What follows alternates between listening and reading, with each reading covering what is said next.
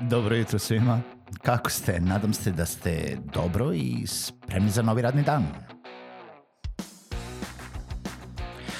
Pozdrav svima i dobrodošli na podcast Male pobede, stari novi podcast koji, well, koji je tu da bi vam kroz pitanje i savete dao motivaciju, pokrenuo vas u pozitivnom smeru i pomogao da ovaj dan počne bolje, jače i možda čak i zabavnije. Moje ime je Željko Crnjaković.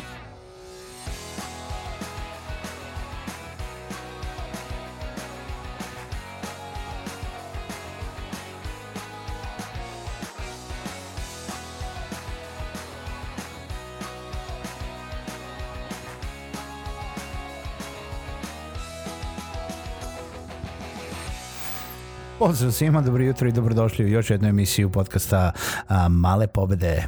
Moje ime je, kao što je uvod rekao, Željko Crnjaković i nadam se da ste dobro ovo, na ovom početku radne nedelje u 161. epizodi podcasta i hteo sam da vas pitam, dragi moji preduzetnici, freelanceri i svi oni koji rade, da li ste ikad imali neki osjećaj krivice kada potrošite vaš mukotrpno zarađeni novac.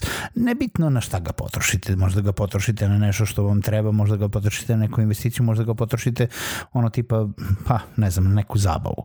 A, da li vam se desilo da čak i prilikom, čak i prilikom investicije u, ne znam, nov računar, u novu opremu, u ne znam, bilo šta što mislite da vam je trebalo za recimo unapređenje vašeg poslovanja, da se dan kasnije osjećate krivim, da se dan kasnije osjećate ipak ja bože, da li sam trebao da potrošim taj novac, da li nisam trebao da potrošim novac, da li sam imao dovoljno novca da, da ga potrošim. To je isti onaj efekat kao kada, ne znam, odete uh, pa potrošite novac na, ne, ne znam, neki, neku novu stvar koja vam možda čak i ne treba, na novi telefon, na starije ra, zapravo i radio, odete kupite sebi nove patike ili nove cipele ili izađete jednostavno i potrošite na jednu večeru ili na jedan vikend ono, negde van grada. E, ponekad neko, neko me čak žao kada se vrati sa godišnjeg odmora pa kaže, ja bože koliko sam potrošio na godišnjem odmoru i tako dalje. Zapravo, e, mislim, efekat krivice je ekvivalent tome i ono što mi krupniji ljudi imamo isto tako kada se urnišemo ovaj, u nekom momentu slabosti od uh, ne, neke hrane ili omiljene poslastice i onda imamo taj uh, uh, fat guilt, što bi ja sam sebi uh, rekao, ovaj, da jednostavno se osjećam krivim da li sam ovo trebao da uradim ili nisam trebao da uradim u ovom trenutku. Ja sam se tako osjećao milion puta u životu. Osjećao sam se kada sam prvi put potrošio uh, više para nego što sam tada mislim, nego što sam do tada i kada potrošio recimo na kupovinu telefona. I osjećao sam se toliko krivo da sam taj novi telefon za koji sam prvi put možda u životu dao 500 evra za telefon, prodao u roku od mesec dana, jer sam se toliko krivo osjećao da ja u stvari možda nisam trebao da potrošim te pare i kupio sam neki drugi telefon za onih 300 evra koji sam obično koristio za telefon.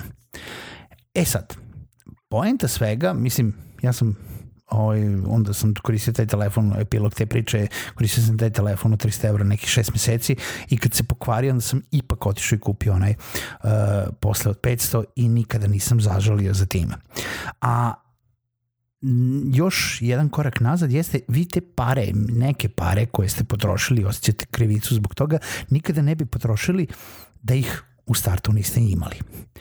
I ako ste iole normalna osoba, vi ste u nekom momentu malo sračunali oko toga da niste baš dali apsolutno zadnji dinar, tako da sutra nemate šta da jedete mislim, sutra, preko sutra, za neki naredni period. Možda niste planirali mesec dana unapred, možda niste planirali uh, godinu dana unapred, možda ne možete da planirate toliko unapred.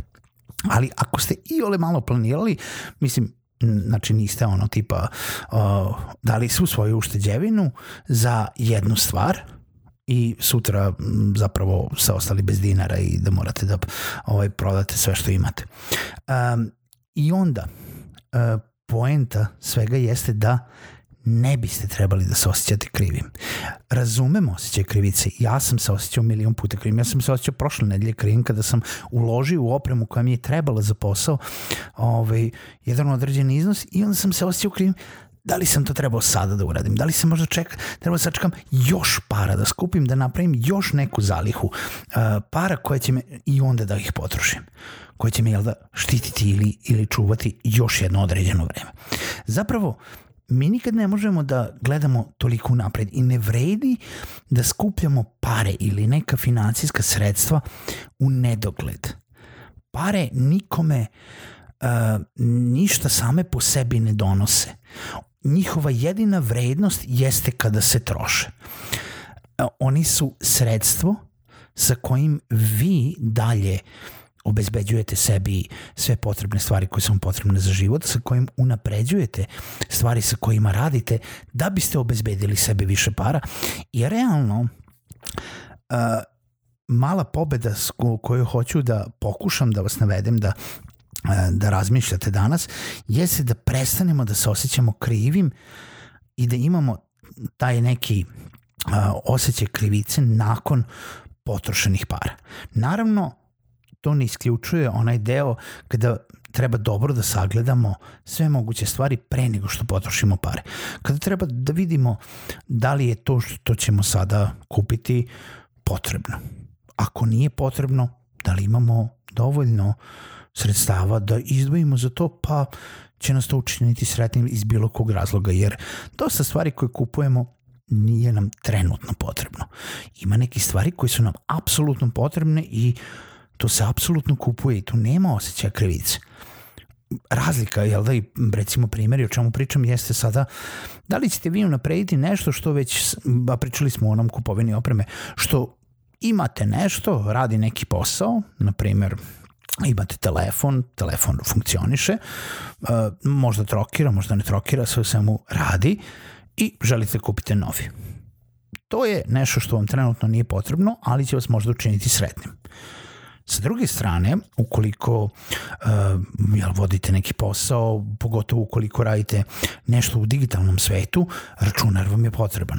Zamislite da pospete recimo kafu po računaru, sok po računaru ili da vam jednostavno računar crkne nema dalje priče oko toga da li je neophodno potrošiti pare na nov računar. Nov računar je esencijalna stvar koja vam je potrebna zato da bi mogli dalje obavljati svoj posao. I na neki način te pare će se naći jedan drugi ovaj, uh, steš, zaliha, uh, račun peti, šesti, pozemica ili prodavanje nečega što imate će obezbediti dalji rad vaše firme, vaše poslovanja firme, poslovanja, zaposlenja, čega god. A, pričam o onim delovima kada recimo ne morate, jel da? I onda ose, da, da trošite i onda osjećamo tu krivicu. Osjećamo krivicu da li smo previše para potrošili, da li smo osušili svoje zalihe. Zalihe će doći. Svi mi radimo, živimo iz dana u dan. Svaki dan idemo, radimo nešto novo. Oni koji rade za platu na kraju meseca će ponovo dobiti neka nova sredstva iz kojih će morati da plate sve svoje obaveze i dažbine i ne mogu svaki mesec da kupuju ne znam nije šta. Ali ne trebate se osjećati krivim ako ste sagledali sve moguće varijante i odlučili sami sebi ovo mi je sada potrebno iz bilo kojih razloga koje sam do sada naveo ili možda čak i nisam naveo do sada. Nije bitno iz kojih razloga.